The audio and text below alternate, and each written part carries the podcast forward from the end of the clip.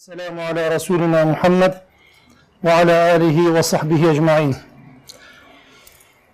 Hamd alemlerin Rabbi olan Allah'a mahsustur.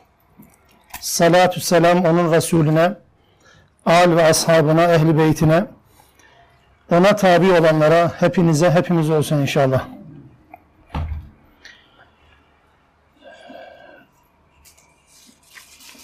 Bakara suresinin 248. ayetinden itibaren devam edeceğiz.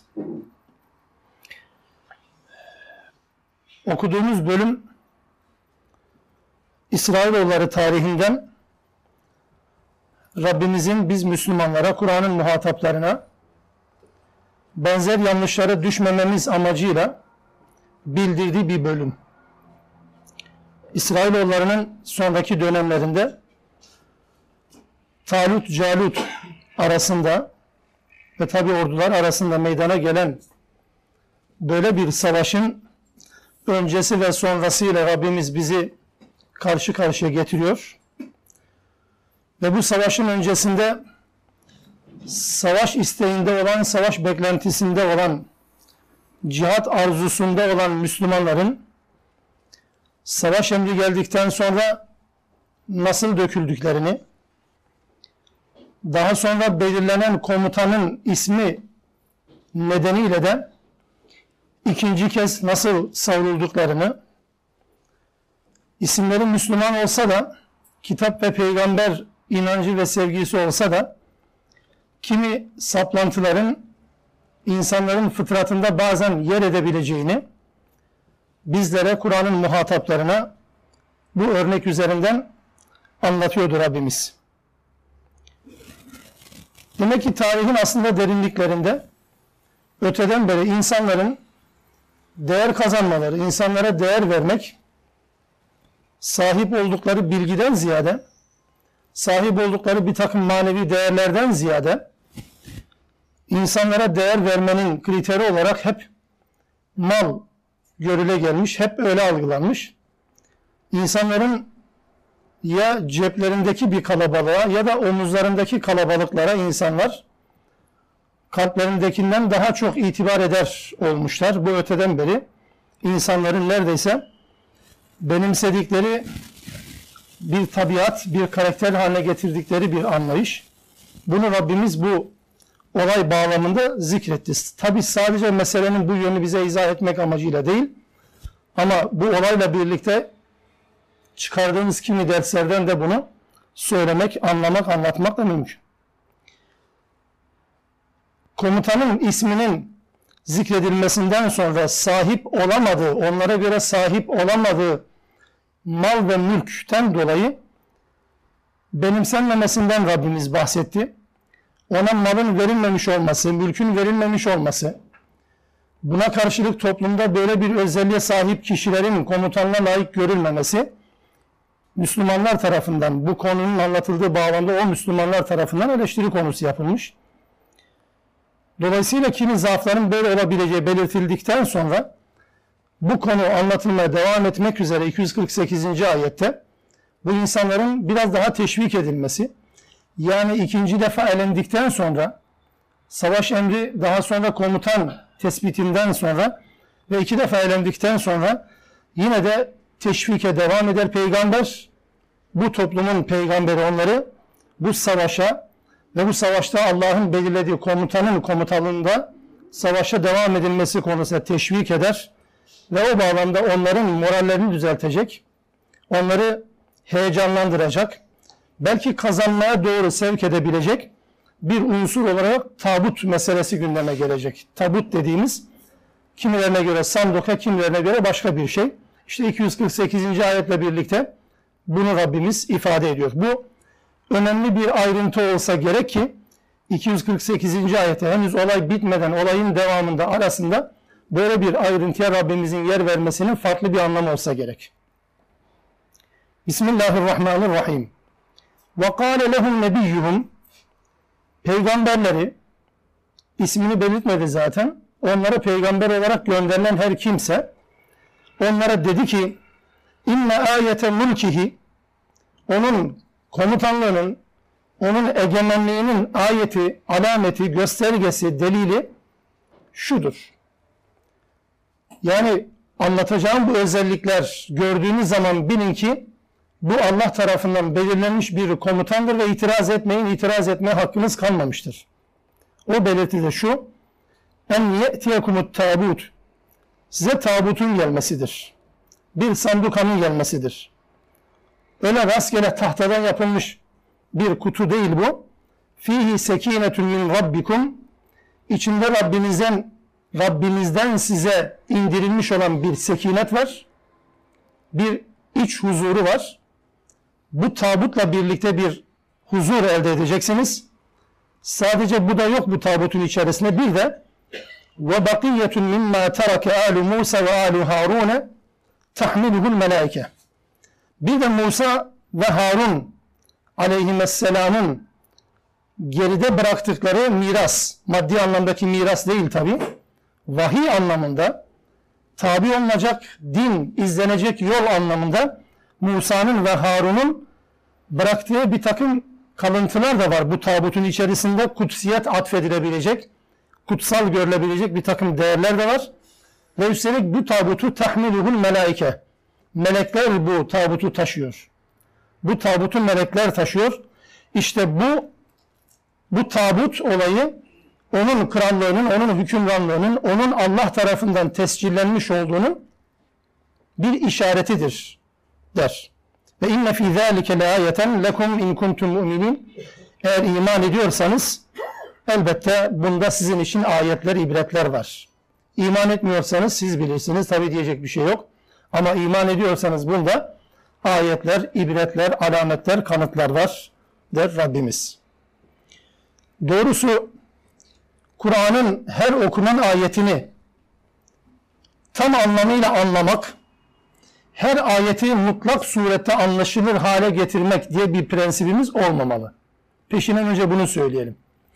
Yani Kur'an'ın okunan her ayetini her bir fert olarak her birimiz anlamak zorundayız gibi bir çabanın içerisinde olmak doğru bir yöntem değil. Bu şu anlama gelmiyor. Kur'an'da anlaşılmayan ayetler var anlamına gelmiyor. Okuyan ben olarak okuyan ben olarak bazen ayetlerin içeriğiyle, muhtevasıyla alakalı çok fazla söylenecek şeyin kalmayacağı türden ayetler olabilir mi? Onu okuyup geçmek lazım bazen. Anlaşılmadı anlamına geliyor. Ben anlamadıysam başkası da anlamaz anlamına gelmiyor tabii ki. Bunu şunun için söylüyorum. Özellikle Kur'an aşıkları için, Kur'an okuyanlar için, Kur'an'ın izinde giden, buna aday olan insanlar için özellikle belirtmem gereken bir prensip bu. Çünkü yaşadığımız dönemde okunan her ayetin mutlak anlaşılır hale getirilmesi gibi bir prensibi önünüze koydunuz mu peşinden mutlaka yanlışlar gelecektir. Yani Allah'ın muradını tespittir tabii ki tefsir. Allah'ın bu ayetle alakalı ne demek istediğini tespittir. Tefsirin amacı da budur. Ama bilelim ki bazen insan sahip olduğu birikimle, bilgiyle bazı şeyleri aciz, e, izah etmekten aciz kalabilir. Mesela bu ayetle alakalı kaynaklara baktığınız zaman çok şey söylendiğini göreceksiniz. Yani mesela bu şeylerden sadece iki tanesini söylemeye çalışayım. Bu ikisi arasında gidip geliriz ama yine bu ikisini anladık gibi zannetsek bile aslında kendim için söylüyorum.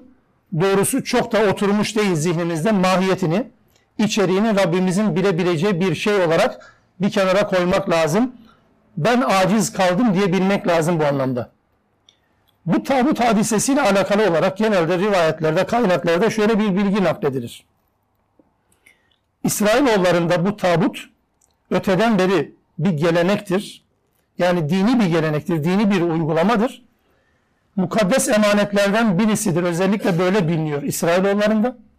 Aynen bu neye benzer biliyor musunuz? Hristiyanlıkta hani haç neyse haçın kutsiyeti, kutsal değer atfedilmesi haç için neyse İsrailoğullarına bu tabutta da benzer bir özellik var. Hristiyanlardaki haç konumunda adeta bu tabut. Hazreti Musa Tevrat'ı buna kor rivayetlere göre. Savaş yaptığı zaman Hazreti Musa öne geçirir bu tabutu. İsrailoğullarının gönülleri bununla huzur bulur. Tabut önlerinde ve tabutla birlikte bir savaş. Vefatına kadar hep yanındaydı Hazreti Musa'nın. Ve ondan sonra İsrailoğulları arasında elden ele geçmiş, elden ele bir intikal söz konusu. İsrailoğulları isyana başladıklarında Allah onlara başka kavimleri musallat etmiş ve bu tabut ellerinden alınmış bir düşmanın eline geçmiş. Onlara musallat olan düşman eline geçmiş. İşte burada zikredilen bu olay düşman eline geçmiş olan ve özellikle İsrailoğullarının hasretle bekledikleri, kavuşmayı ümit ettikleri, adeta Kaf Dağı'nın ötesinde bir gerçekmiş gibi algıladıkları, hayallerini zorladıkları bir konu ve işte bu Talut Calut olayında onların özellikle Talut'un hükümranlığını, hükümdarlığını, hükümdarlığını kabul etmelerine bir gerekçe, bir kanıt olarak bu tabut öne sürülmüş ve meleklerin taşıyacağı bir tabut halinde onlara moral takviyesinde bulunarak Rabbimiz böyle bir yol göstermiştir. Yani yıllardır adeta beklediğiniz böyle bir özlemini duyduğunuz böyle bir emanet yeniden Allah tarafından size lütfedilmiştir. Bu ne demektir? Allah sizinledir. Hadi devam edin anlamına. Bir teşvik, bir cesaretlendirici husus. Genelde böyle bir bilgi aktarılır. Bir de bunun yanına tabut, burada geçen tabut kelimesiyle aslında bildiğiniz anlamda bir tabutun değil, şey, kasanın işte kutunun falan değil, tabutla kasteden aslında kalp olduğu söylenir. İnsanın kalbi. Bu bir nevi işari bir tefsir. Yani tasavvufi yorumlara benzeyebilir belki ama yani sonuçta böyle bir e, yorum biçimi de var. Aslında burada tabut ile kastedilen kalptir. Ve tabutun içerisinde sekinetten söz etti Rabbimiz iç huzurundan. Oradaki sekinet de kalpte yerleşmiş olan bilgidir, ilimdir derler. Bunu söyleyenler genelde ilmin biriktiği mekan olması hasebiyle kalp ya da hikmet evi olmasıyla, Beytül Hikme olması sebebiyle kalbe hep böyle bir isim verilir. Ya da ilim tabutu diye bir ifade biçimi de var. Kalp için e, Arapça lügatlerde böyle bir karşılık da var. İlim tabutu diye geçer.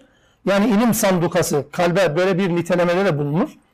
Ya da ilim kabı olarak, ilim sandığı olarak isim verildiği için buradan hareketle kimi müfessirler buradaki kastedilen bildiğimiz sanduka değil de insanın kalbi anlamında değerlendirmişler. Bu şekilde değerlendirildiği zaman peki maal nasıl olur? Biraz uçuk bir maal gibi gelebilir size ama bu da yani savunucusu olan bir görüş neticede. Yani onun hükümranlığının gerçek alameti isyan ve gururla zayi olmuş, kaybetmiş olduğunuz ve sizi perişan etmiş olan kalbinizin yerine gelmesidir derler. Böyle bir yorumla yani tabutun gelmesinden kasıt kaybettiğiniz içerisini nifak, fitne, fesatla doldurmuş olan doldurmuş olduğunuz o kalbinizin yeniden e, yerine gelmesi ve hakikate iman ederek huzur ve sükunete, sekinete ermenizdir şeklinde böyle yorumlama e, ihtimali de var. Böyle bir yorum şekli de var tabii ki. Tabi tabutun kalp anlamında kullanıldığı kabul edilirse İsrailoğullarının aslında gelecekte daha sonraki dönemlerde kalplerini değiştireceklerine bir işaret olarak da algılanır. Adeta Allah bu ifadeyle öyle bir üstü kapalı mesaj da veriyor. Yani ileride bu kalpleriniz düzelecek, kalpler değiştirilecek yani bu eski yamuklukların merkezi haline getirdiğiniz getirdiğiniz kalpleriniz gidecek. Bunun yerine tertemiz kalplere sahip olacaksınız gibi bir işaret olur. Ve daha sonra gelen sekinetün min rabbikum Rabbinizden bir sekinet var ifadesi ise tabutu kalp olarak çevirmenin sandık olarak çevrilmesinden daha uygun olduğu şeklinde yorumlar da yapılmıştır. Fakat özellikle bu tabutu kalp olarak izah etmenin zorluğunu ayeti kerimede geçen şu ifade de ortaya koyar. Bu biraz gerçekçi olmak lazım. Tahmiluhul melaike. Meleklerin taşıdığı bir tabut olunca yani bu manevi anlamda bir taşıma olması için bir karine bir ipucu olmadığına göre bu dolayısıyla normal fiziksel anlamda taşınan bir şey olsa gerek diye de buna itiraz edilebilir.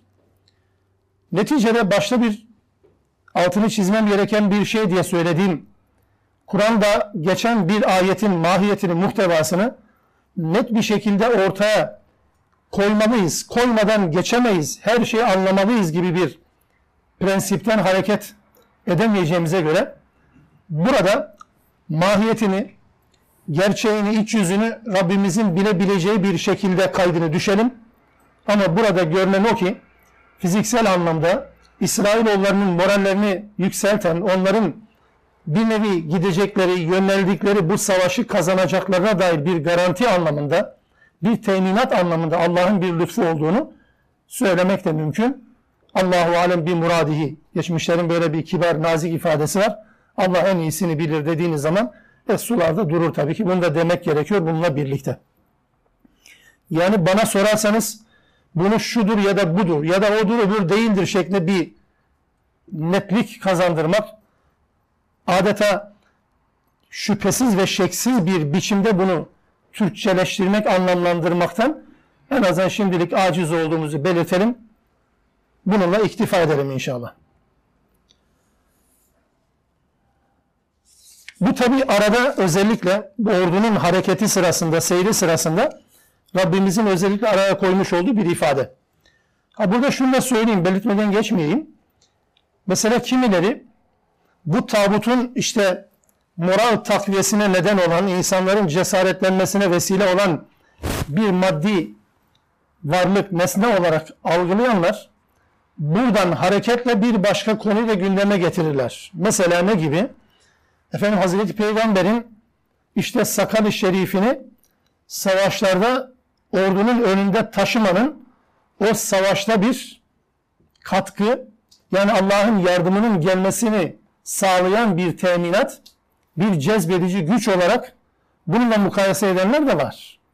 Var ama burada eğer bunu kabul edersek, bunu düşünürsek şöyle ciddi bir yanlışın içerisine düşmüş oluruz. Allah'ın yardımı görünerek gelmez.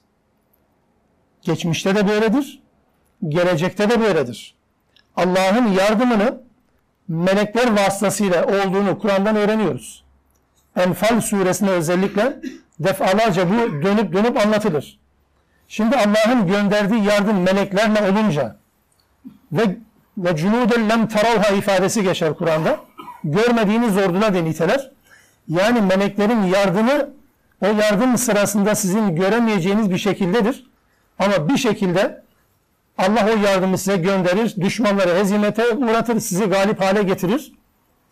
Şimdi Allah'ın meleklerle yapacağı yardım varken onun dışında bir takım yardım unsurlarını devreye sokmak cehalet değilse aymazlıktır.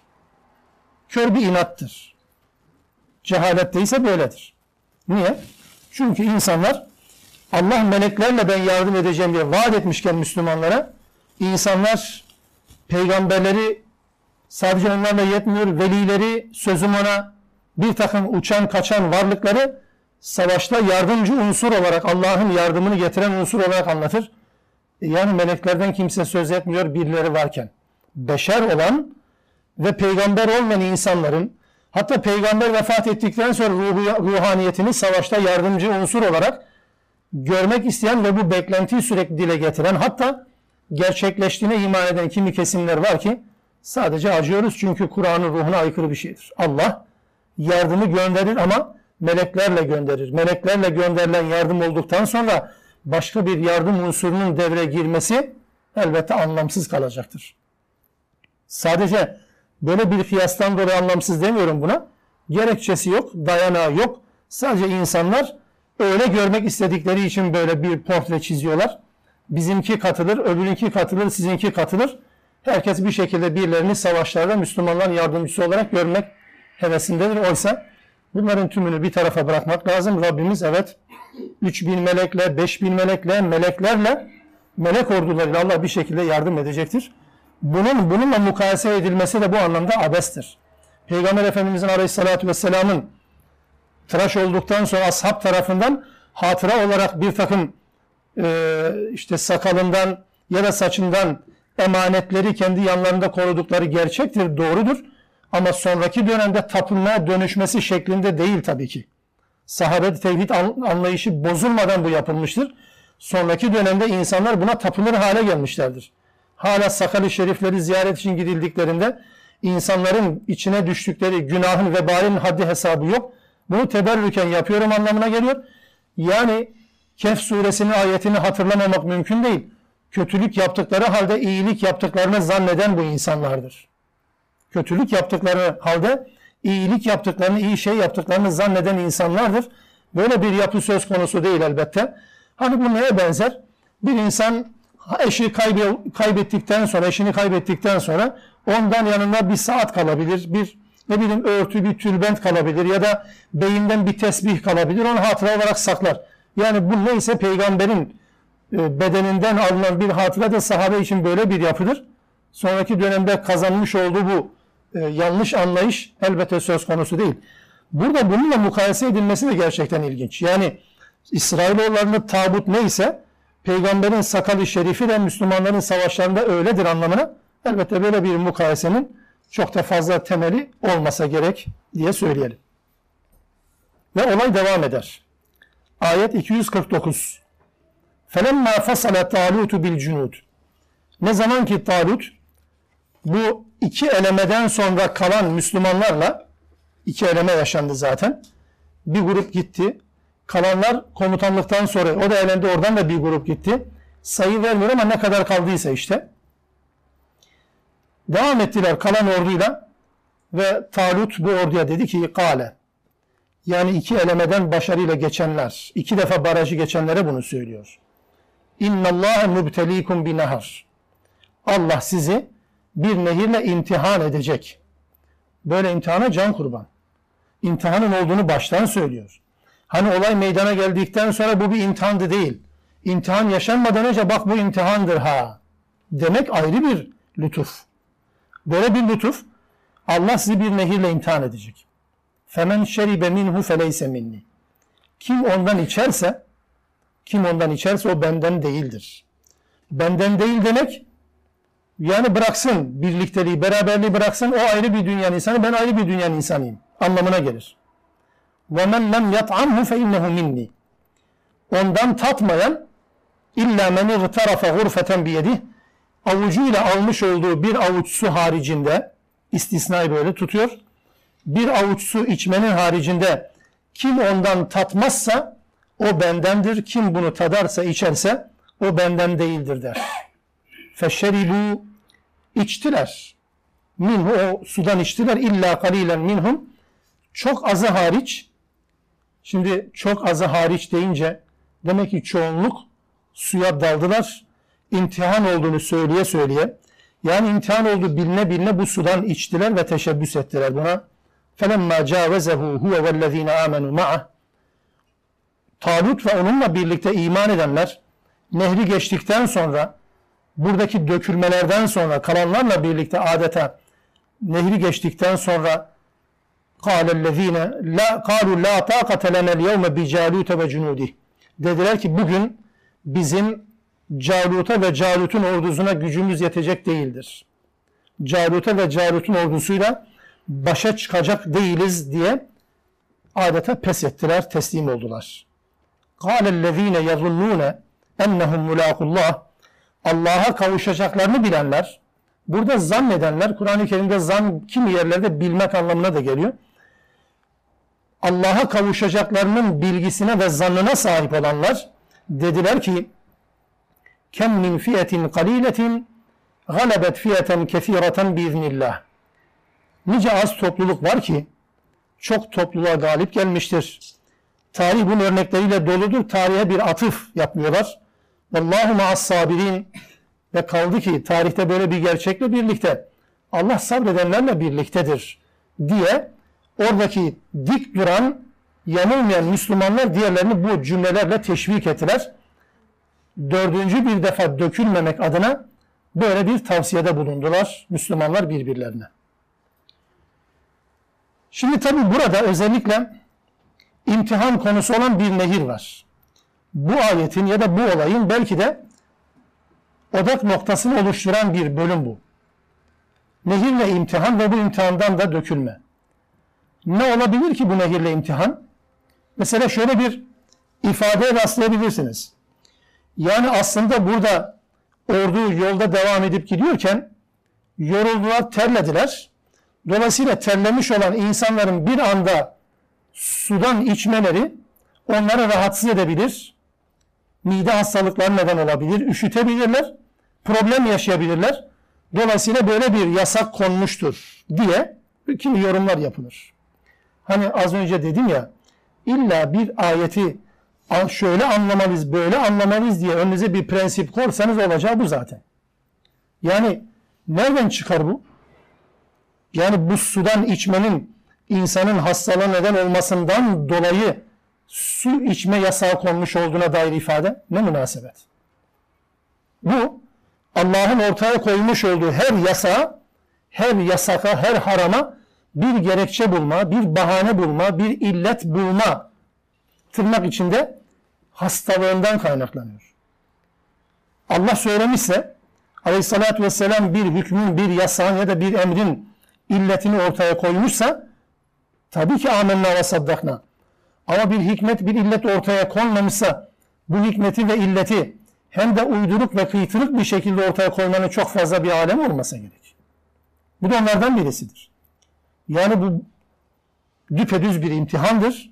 Sudan içilmeyecek. Hastalığa neden, neden olacak. Yani ben suyu kana kana içerim, ılıtır içerim. Suyun başına varırım, dinlenirim içerim. Yani mesele bu mu? Bu ayetle alakalı bir takım anlamların değişmesine ve tahrif olmasına neden oluyor. Bu gözle baktığınız zaman ha yani bu çok basit bir imtihan ne olacak?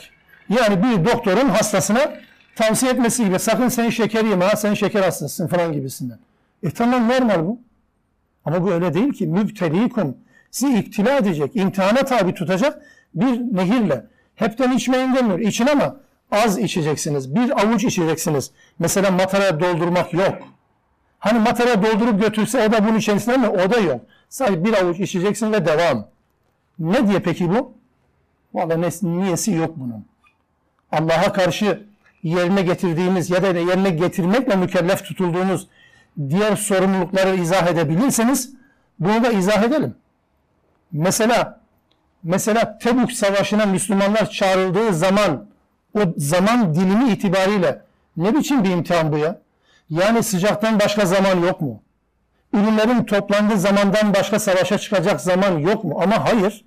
Tam ürünler toplanacak hem de ürünün rekoltesinin yüksek olduğu bir mevsim, bir yıl ve bir dönem ve hava alabildiğine sıcak. İmtihan bu. Yani şöyle bir hafta ertelense ürün toplansa hani sizin ifadeniz şu kayısıları toplasak sonra gitsek falan değil. Yani böyle bir şey de söz konusu. Yani o anda gelecek. Bitti. imtihandır bu. E, imtihan olması zaten kaybedenleri kazananlar olmayacak ki. Onun için kazananları kaybedenleri oldu. Hem de gerçekten Peygamber Aleyhisselatü Vesselam'ın gözde sahabeleri de bu imtihanda dökülmediler mi? Bütün sorumlulukların gerekçesi bu değil mi? Yani teyemmümün ne gerekçesi olabilir ki? Yani nedir bu? Bir taşa ya da duvara toz olsun ya da olmasın vuruyorsunuz yüzünüze ve vuruyorsunuz elinize sürüyorsunuz. Teyemmüm su bulamadığınız takdirde hem abdestin yerine geçiyor hem cünüplükten guslün yerine geçiyor. Nasıl izah edersiniz bunu? Vakıs ala zalik eder Araplar. Buna, buna göre bütün hükümleri mukayese edebilirsiniz. Hatta çok daha tipik bir örnek daha var. Mesela En'am suresinde Rabbimiz İsrailoğullarına tarihte haram edilen iç yağlarından bahseder. Ama bu ümmete helaldir. Aynı yapı. Dün bu topluma haram olan iç yağı bugün bu topluma helaldir. Gerekçesini izah edin. Pis idiyse, necis idiyse hayvanlar evrim geçirmedi. Ya aynı yağdır. Ne oldu peki? Dün niye haramdı? Bugün niye helal oldu? Evet Allah haramları ve helalleri böyle belirler. Sakın buradan şunu çıkarmaya çalışmayalım. Yani Allah'ın emirlerini ve yasaklarını anlamaya çalışırken hiç üzerine düşünmeyelim, boş verin geçin anlamına değil. Yanlışa sevk edecek türden bir düşünce biçimi bizi yanlışa sevk eder. Evet, bu yanlış bir düşünce biçimi bizi yanlışa sevk eder. Allah'ın muradını yanlış anlamamıza, yorumlamamıza neden olabilir. O anlamda söylüyorum bunu. Değilse düşünebiliriz. Ama düşünsek de vardığımız kanaatin Allah'ın belirttiği kanaat olduğu, gerekçe olduğu net olmadıkça Orada bir soru işareti kalacaktır bunu bilelim. Onun için burada sadece bir imtihandır o kadar. Ve bu Üstelik mesela innallâhe mübtelikum binehar ifadesine dikkat edin. Allah sizi imtihan edecek diyor. Yani nehirle imtihan edecek olan Allah. Komutan, komutan olması hasebiyle emrine uyulması gerekiyor. Doğru. İtaat edilmesi gereken bir konumda. Ama buna rağmen mesela ordusuna askerlere diyor ki Allah bunu yasakladı. Allah sizi bununla imtihan ediyor. Allah bunu koydu ortaya. Bu tabi dolaylı olarak ulul emre itaat, birliğin komutanına itaat, Allah'a itaat kapsamını değerlendirildiği için de böyle olabilir. Ama bu emrin ilahi kaynaklı olduğuna dair özel bir vurgudur ve aman ha dikkat edin diye özellikle bunu belirtti Talut komutan. Buradan peki ne anlayacağız? Allah'ın önümüze sermiş olduğu kimi nimetlerin kimi nimetlerin ihtiyaçtan fazla kullanılması bizi bozar. Tarihte bu insanları bozmuştur. Bakın doymak, şişmek, şişirmek, hasta olmak geçin bütün bunları. Allah'ın önümüze serdiği bir takım nimetlerin Allah'ın istediğinden belirlediği miktardan öteye geçirilerek kullanılması, hırs ve tamah konusu yapılması, doyumsuz şekilde bunlardan istifade etmeye teşebbüs edilmesi, insanın mayasını bozar, inancını bozar, Allah'la ilişkilerini bozar, tahrip eder bunu bilelim. Burada kastedilen budur. Yani savaş ortamında su ile imtihan edilmek ne ki? Burada özellikle özellikle böyle sıkışık bir ortamda inançları konusunda samimi olamayanlar, yani bir takım fedakarlıklara katlanamayanlar, çok basit fedakarlıkların bile yanına yaklaşmayan insanların inanç adına ortaya koyabilecekleri fazla bir şey olmaz. Susuzluk konusunda bile ki insan ölmeyecek zaten. Bu noktada ölecek bir durum da değil. Sadece doyumsuz nefsini tatmin edecek kadar zaten bir yudum ya da bir avuç su içiyor. Onun ötesine geçmeye ya da geçmemeye tahammül edemeyecek bir insanın bu savaşta fedakarlık ortaya koyması, sonuna kadar direnmesi, dimdik durması elbette beklenemez. Özellikle bu konunun da vurgulanması lazım. Bize yansıyan şekliyle söyleyeyim biraz daha anlamak adına.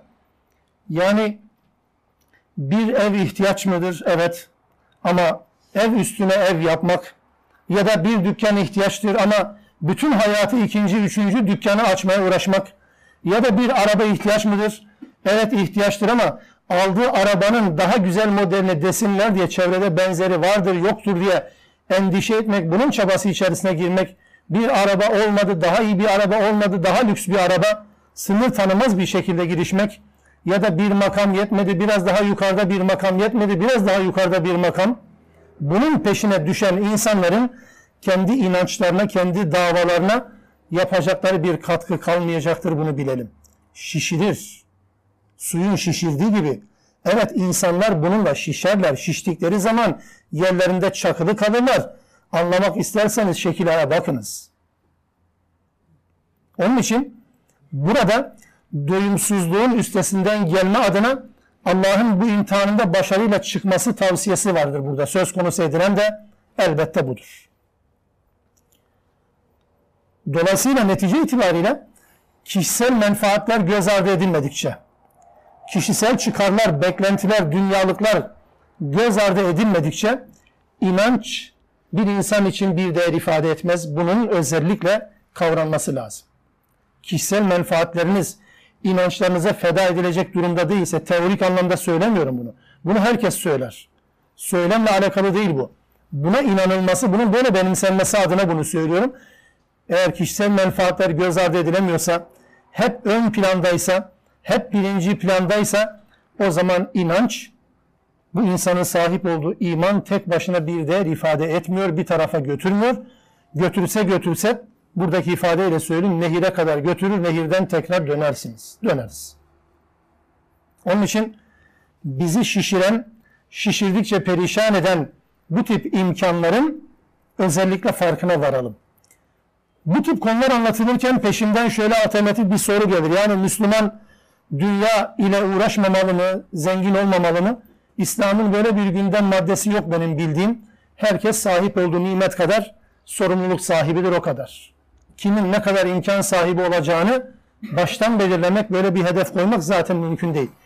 Fakirlik İslam'ın iyi yaşanmasına neden olmadığı gibi zenginlik de İslam'ın iyi yaşanmasına neden değildir. Bu insanların sahip olduğu nimet ve sorumluluk dengesiyle alakalı bir şeydir. Bu ayrı bir şeydir.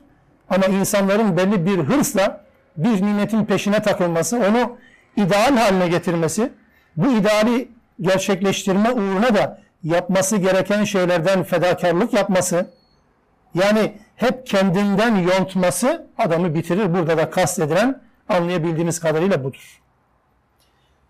Buradan da elendi bir kısmı ve devam ettiler. Sonra bugün Talut'a karşı artık gücümüz yok dediler. Belki elenenlerle birlikte de gitmiş olabilirler.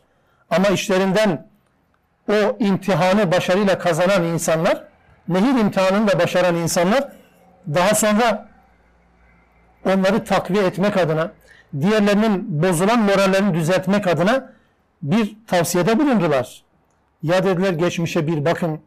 Geçmişte kazanılan zaferler, kazanılan zaferler insanların çok ve güçlü oldukları dönemlerde yaptıkları savaşların sonucunda mı ki? Zaferlerin temelinde güç ve çokluk mu var ki diye bir sorgulayın dedi. Halbuki geçmişte nice az topluluk var ki Allah'ın izniyle, Allah'ın müsaadesiyle birçok topluluğu alt etmiştir. Tarih bunun örnekleriyle doludur diye onları teşvik ettiler ve bir de sabır tavsiyesinde bulundular. Bu iki husus özellikle ön plana çıkardılar. Bunu biz bu vahyin tarihinde de biliyoruz. Bedir'i gören Müslümanlar ki burada bu Talut'un ordusunda bütün üç elemeden, üç aşamadan geçtikten sonra hala dimdik duran insanların sayısının Bedir'e katılan Müslümanların sayısı kadar olduğu söylenir. Yani 313 civarı. Bu kadar kalmışlar. Ne kadar elenmişler? İşte dört aşamadan ne kadar elenirse öyle bir varsayım. Rakamlara takılmayalım. Ama böyle bir sayı kalmış. Ve bu kalan sayı Calut'un ordusuna karşı bir şey yapamayız düşüncesine kapılırken içlerinden Allah'a kavuşacaklarının bilinci, beklentisi, ümidini taşıyan bu insanlar hayır diyorlar bu böyle olmaz. Şimdi Kur'an Bedir'de bunun örneklerini sunar bize. Enfal suresinde. Evet Bedir'de Müslümanlar müşriklerin üçte biri kadardı. Teçhizat itibariyle zaten konuşulmayacak kadar fark vardı aralarında. Konuşulmayacak kadar fark vardı. Yok hükmündeydi teçhizatlar. Ama bir zafer kazanıldı. Dolayısıyla Yevmul Furkan diye niteler. Enfal suresi bugünü, Bedir gününü. Furkan günü. Adeta her şeyin netleştiği, safların belirginleştiği gün nitelemesini yapar. Allah takdir eder bunu. Bunu taltif eder Müslümanların Bedir'deki zaferlerini. Ne kazandırdı bunlara? Kazandıran elbette çoğunluk ya da güç değil ki. Uhud'da da tersine döndü. Yevmun lek ve yevmun aleyk der Araplar. Bir gün size bir gün bize. Allah da öyledir Ali İmran suresinde. Tilke leyyâmu nüdâviluhâ beynen nas. Günleri insanlar arasında böyle dönüp dolaştırırız. Dün Bedir'de siz kazandınız. Bugün bir yanlış yüzünden hezimeti siz hak ettiniz. Onlar kazandılar. Kazanmadılar da siz sadece bir takım sıkıntılar yaşandınız. E sonra Hendek'te yine zafer. Mekke'nin fethinden sonra Huneyn Savaşı yaşanıyor. Huneyn Savaşı'nı Rabbimiz savaşın ismini de belirterek söyler. Tevbe suresinin 25. ayetinde. Allah der, Rabbiniz birçok yerde birçok savaş meydanında size yardım etti. Huneyn günü de yardım etti. Tevbe 25. ayette. Huneyn günü de yardım etti. Fakat hani diyor iz a'cebetkum kesratukum sizin çokluğunuz güç ve sayı anlamdaki çokluğunuz a'cebetkum sizi böbürlendirdi. Gücünüz hoşunuza gitti. Sonra çokluk hoşunuza gittikten sonra ne oldu ki? Bu çok olmanın size hiçbir zaman fayda sağlamadı. Hiç mi hiç size yararı olmadı? Tam tersine ve dakat aleykumul ardu bima rahubet. Bir öne bir arkaya neredeyse öyle diyeceklerdi. Yani bugün bize kimse galip gelmez dediler. Öyle düşündüler. Bir anlık düştüler. Evet bir anlık düştüler. Çünkü bu ordunun içerisinde Bedir'i kazananlar da var, Hende'yi görenler de var, diğer gazveleri görenler de var. Ama bir anda çokluğun ve gücün zaferi kazanma nedeni olabileceği gibi bir aldanış içerisine girince evet böyle bir hezimeti yaşadılar. Sonra toparlandılar tabi. Ama Müslümanların bu durumu, bu acınacak durumu kıyamete kadar okusunlar da ders alsınlar. Hiçbir zaman sahip oldukları gücün, birikimin zaferi ve başarıyı kazanması için, kazanmaları için yegane neden olamayacağını anlasınlar diye evrensel bir mesaj haline getirdi. Tevbe 25. ayete koydu bunu. Ve üstelik hemen bir öncesinde eğer babalarınız, kardeşleriniz, çocuklarınız, mallarınız, ticaretiniz sayıyor sayıyor. Eğer bunlar Allah, Resul ve cihattan daha sevimliyse Allah'ın belası gelinceye kadar bekleyin ve arkasından bu hükmü getirir. Bu evet üzerinde düşünülmesi gereken bir husustu. Burada özellikle az olmanın yenilgi nedeni olamayacağını, tam tersine zaferlerin hiçbir zaman güçle kazanılmadığını, güçle kazanılan gibi görünen kimi zaferler olsa bile gerçek anlamda kalıcı, temel atıcı yere sabit bir şekilde çakılmış olan, yerleşmiş olan zaferlerin vesilesi olamayacağını özellikle burada söylemiş oluyor bu Talut'la birlikte bütün imtihan aşamalarını geçen bu insanlar bunu aslında birbirlerine söylüyorlar ama onun üzerinden de bize bir mesaj vermiş oluyorlar. وَلَمَّا بَرَزُ لِجَالُوتَ وَجُنُودِهِ Ne zaman ki bu insanlar, bu Müslümanlar Calut ve ordusuyla karşı karşıya kaldılar, mübareze ettiler, birbirlerinin karşı karşısına geldiler ve savaş ortamına geldiler. Savaşın hemen öncesinde kalu dediler ki bu iman edenler Rabbena efriz aleyna sabran ve sebbit akdamana ve unsurna alel kavmil kafirin. Ey Rabbimiz bize sabır yağdır. Üzerimize sabır yağdır. Bize sabır ver değil de efriz aleyna sabran. Sabır boşalt. Tam Türkçesi bu. Sabrı boşalt adeta. Sabır yağdır ki her tarafımız, bütün hücrelerimiz sabırla donansın anlamında bir ifade bu. Bizim üzerimize sabır yağdır, sabır boşalt, ayaklarımızı sabit kıl ve kafir topluma karşı da bize yardım et diye dua ettiler. Buraya kadar buraya kadar bütün aşamalardan geçen elene elene sabit bir şekilde kalan bu insanların elbette yapacağı en güzel duayı da buydu. Böyle dua ettiler. Yani yatarak dua değil de yapılması gerekeni yaptıktan sonraki dua duadır. Yapılması gerekeni yapmadan sadece yatılan yerden dua yapmanın duanın ruhuyla bağdaşmadığının altını çizelim. Dua öyle yapılmaz. Yatılan yerden dua edilmez. Dua, duanın içeriğinde ne varsa o içerikle alakalı yapılması gereken neyse onu yaparız. Ya Rabbi bizi cennete koy. Yatar, yattığınız yerde cennet olmaz. Cennete götürecek şeyleri yaparsınız. Allah'tan bunu istersiniz. E yaptık zaten mecbur Allah cennete koyacak deme hakkımızda olmadığına göre. Evet yani sadece amellerimizle değil Allah'ın rahmetiyle birleşince, birleşince evet ameller bizi cennete götürecek. Yattığımız yerden dua ederek bir şey kazanma, bir şeye ulaşma değil bu. Bu insanların, bu iman ehlinin yaptığı duada budur. Savaş ortamında bu elemelerden geçtikten sonra ve düşmanla karşı karşıya gelince gücüne de güvenmiyor, yaptıklarına da güvenmiyor. Sadece sahip oldukları bu birliğe de güvenmiyorlar. Bu anlamda Allah'ın duası da devreye giriyor. Sadece duaya güvenseler zaten bu kadar tedbir almazlar. Sadece ona da güvenmiyorlar. İkisini birleştirerek güzel bir dua örneği ortaya koyuyor. Kaldı ki zaten dua zihin yani niyet, eylem ve söylemden ibarettir. Söylemle sadece ve niyetle ibaret, niyetten ibaret olan bir dua dua değil biliyorsunuz. Yani dua hem niyet boyutular iyi niyetle hem söylem boyutular telaffuzla ama en önemlisi de eylem boyutudur. Duanın konusu neyse o konuyla alakalı fiili bir takım şeylerin ortaya konması adına bunu yapmak lazım. Dua böyle yapılır. Bu duayı yaptıktan sonra fehezemuhum biiznillah. Allah'ın izniyle hep bu kayıt geçer. Dikkat ettiniz mi? Allah'ın izniyle. Yani hiçbir şey sizin kendi gücünüz ve kudretiniz birikiminizle değil. Allah'ın izniyle onlar hezimete uğrattılar karşı tarafı. Katale Davudu Calut'e Davud da Calut'u öldürdü. Ve atahullahul mulk. Allah Davud'a mülk verdi. saltanat verdi, hükümranlık verdi.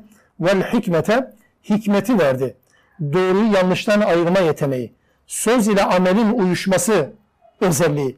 Sözle fiilin bağdaşması şeklinde bir tanım da yapılır hikmetin. Ya da kararda isabet etme yeteneğini Davud'a bahşettik. Ve allemehu mimma yaşa ve bir de Allah'ın dilediği kadar daha birçok ilmi de Allah Davud'a öğretmiş oldu. وَلَوْلَا دَفْعُ اللّٰهِ النَّاسَ بَعْضَهُمْ بِبَعْضٍ لَفَسَدَتِ الْاَرْضُ Eğer Allah insanların bir kısmını bir başkasıyla def etmeseydi, Allah yeryüzüne böyle bir kural koymasaydı, toplumların ayakta kalması adına Allah'ın böyle bir yasası olmasaydı, insanların bir kısmını bir kısmıyla def etme, yani savaşı meşru kılmasaydı, savaşın meşruiyeti olmasaydı, o zaman lefesedetil ard, yeryüzü bozgunculukla dolardı. Yeryüzü bozulurdu. Yeryüzünün insanları bozulurdu. Yeryüzünün bitki örtüsü bozulurdu değil elbette. Toplumlar bozulurdu eğer böyle bir kuralı Allah yerleştirmeseydi. وَلَاكِنَّ اللّٰهَ ذُو فَضْلِ عَلَى الْعَالَمِينَ Allah alemler üzerinde gerçekten fazl-ı kerem sahibidir diye Rabbimiz bunu belirtir. Davud'a verilen nimetler Kur'an-ı Kerim'de anlatılır. Mesela demiri yumuşatıp zırhlı elbiseler yapma sanatını Davud ile birlikte okuyoruz Kur'an'da. Ya da başkalarının bilmediği kuş dilini mantıkat tayır evet buna öğretiyor. Güzel nameler Davudi ses diye söyleriz. Peygamber aleyhissalatü vesselam Kur'an okuyan ashabtan birine de aynı şeyi söyler. Sana Davud'un sesinden bir ses verilmiş diye onu taltif eder. Davud'un böyle özel bir yeteneği var. Bunlar Rabbimizin Davud'a verdiği özel nimetler elbette. Davud bu savaşla birlikte sahneye çıkıyor adeta. Bu savaştan sonra Rabbimiz ona peygamberlik lütfediyor. Peygamberlikle birlikte hükümdarlık. Yani hükümdar peygamber olan nadir kişilerden birisidir Süleyman'la birlikte mesela. Davud Aleyhisselam. Bu savaşta çocuk yaşta olduğu söylenir, genç yaşta olduğu söylenir. Savaşa bir, ves bir vesileyle katılmış ve savaşın içerisinde kahramanlık olarak bunu göstermiş. Calut'u karşı tarafın komutanını öldürmek suretiyle ön plana çıkmış ve temayüz etmiş. Allah da onun bu başarısını, bu güzelliğini, bu cihat aşkını, bu sabit olma özelliğini yani ayaklarının sabit olması noktasındaki özelliğini de e, Rabbimiz peygamberlik ödüllendirmiş, hikmetle ve saltanatla hükümranlıkla ödüllendirmiştir. Ayetin devamında Rabbimizin bir yasasından bahsediliyor. وَلَوْلَا دَفْعُ اللّٰهِ النَّاسَ بَعْضَهُمْ بِبَعْضٍ لَفَسَدَتِ الْاَرْضِ Eğer Allah yeryüzünde insanların bir kısmını diğer bir kısmıyla salmasaydı, savaşı meşru kılmasaydı bozgunculuk çıkardı. Bu Hac suresinde de benzer bir ifade kullanılır. Bu yasanın izahı nedir biliyor musunuz? Allah insanların bozguncu ve saldırgan olan kesimlerini ki her toplumda olacaktır. İlk günden itibaren daha insanların sayısı parmakla sayılacak kadar miktardayken yeryüzünde bozgunculuk boy gösterdi. Habil ve Kabil olayıyla birlikte biliyoruz. İnsanların yaşadığı yerde mutlaka bir şekilde bu bozgunculuk elbette olacak. Bu bakımdan Allah insanların bozguncu, saldırgan, fesat çıkarıcı olan kesimlerini ıslahatçı olan, barışçı olan kesimleriyle def etmek için savaş emretmiştir. Kimi kiminle def edecek? Allah kendisine tabi olan insanlara böyle bir rol vermiştir.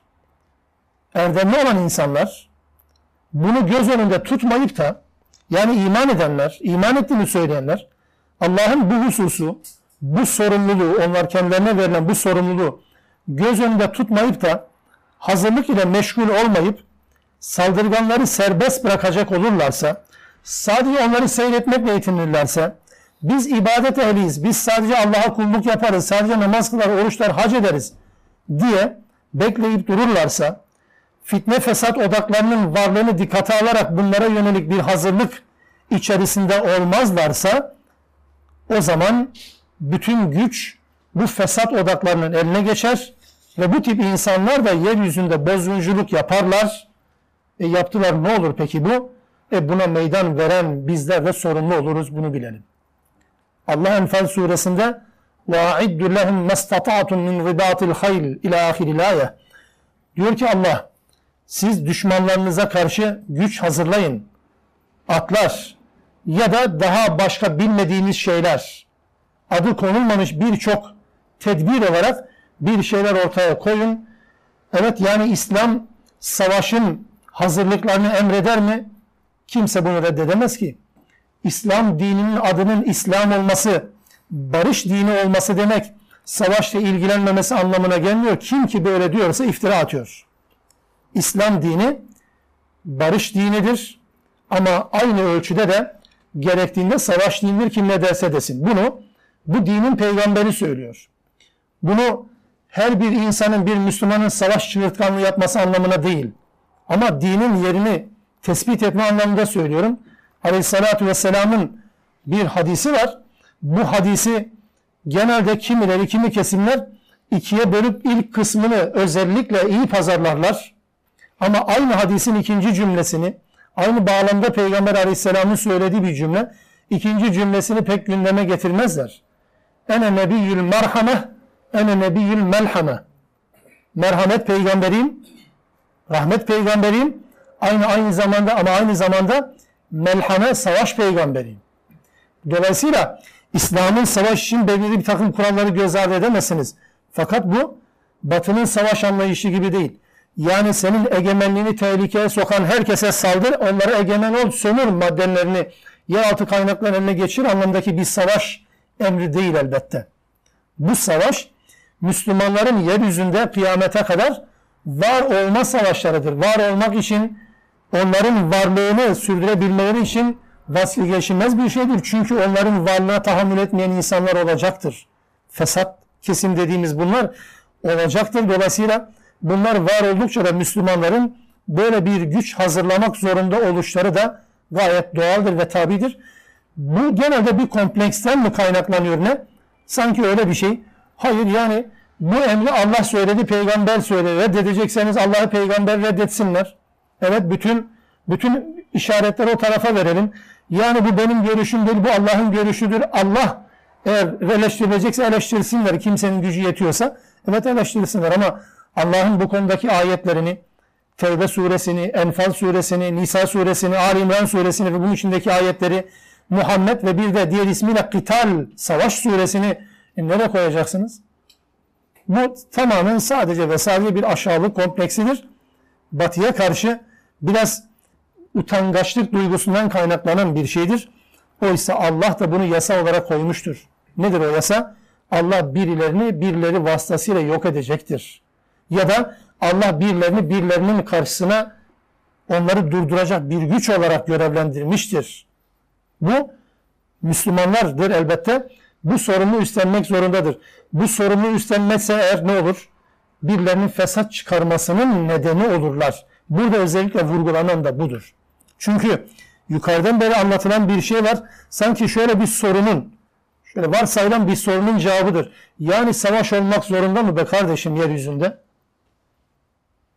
Yani evet yani Allah savaşın demiyor sürekli zevk almıyor savaştan insanların öldürülmesinden. Ama hak ve batıl var ise bir yerde orada bir çatışma vardır. Bu çatışma nihai noktası savaşsa savaştır. Yani bunun örtülecek, gizlenecek bir tarafı yok elbette. Onun için bu bir kuraldır ve Müslümanlara bir sorumluluk yüklüyor. Bu sadece Allah'ın bir yasasını teorik anlamda belirleme değil, bunu bilelim. Bu Müslümanlara verilen bir sorumluluktur. Kafalarını çalıştıracaklar, tedbirlerini alacaklar.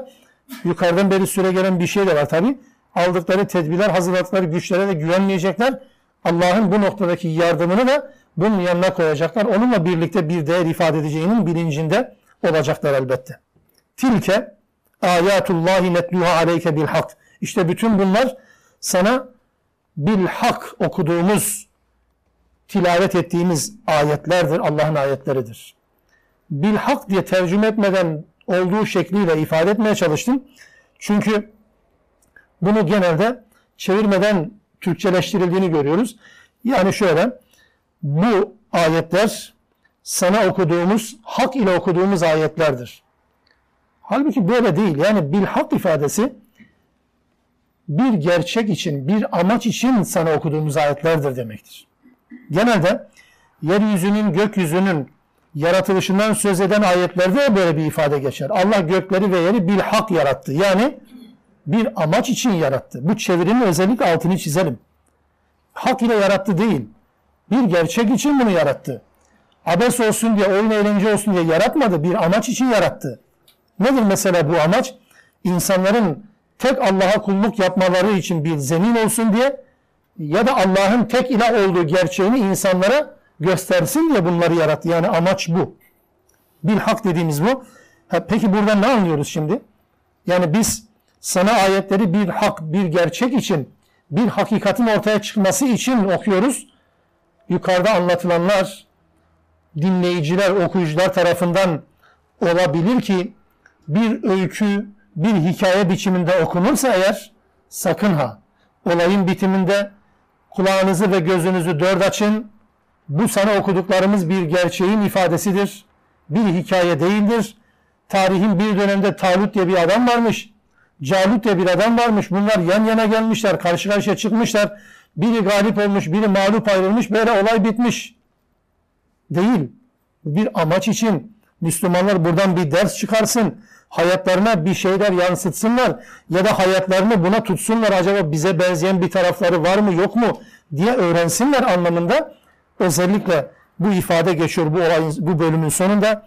Ve inneke leminel murselin ve elbette şüphesiz sen gönderilen bir peygamberdin, bir peygambersin, elçilerden bir elçisin diye peygamberin rolünü, görevini de ortaya koymuş oluyor. Peygamber farkında değil mi? Farkında.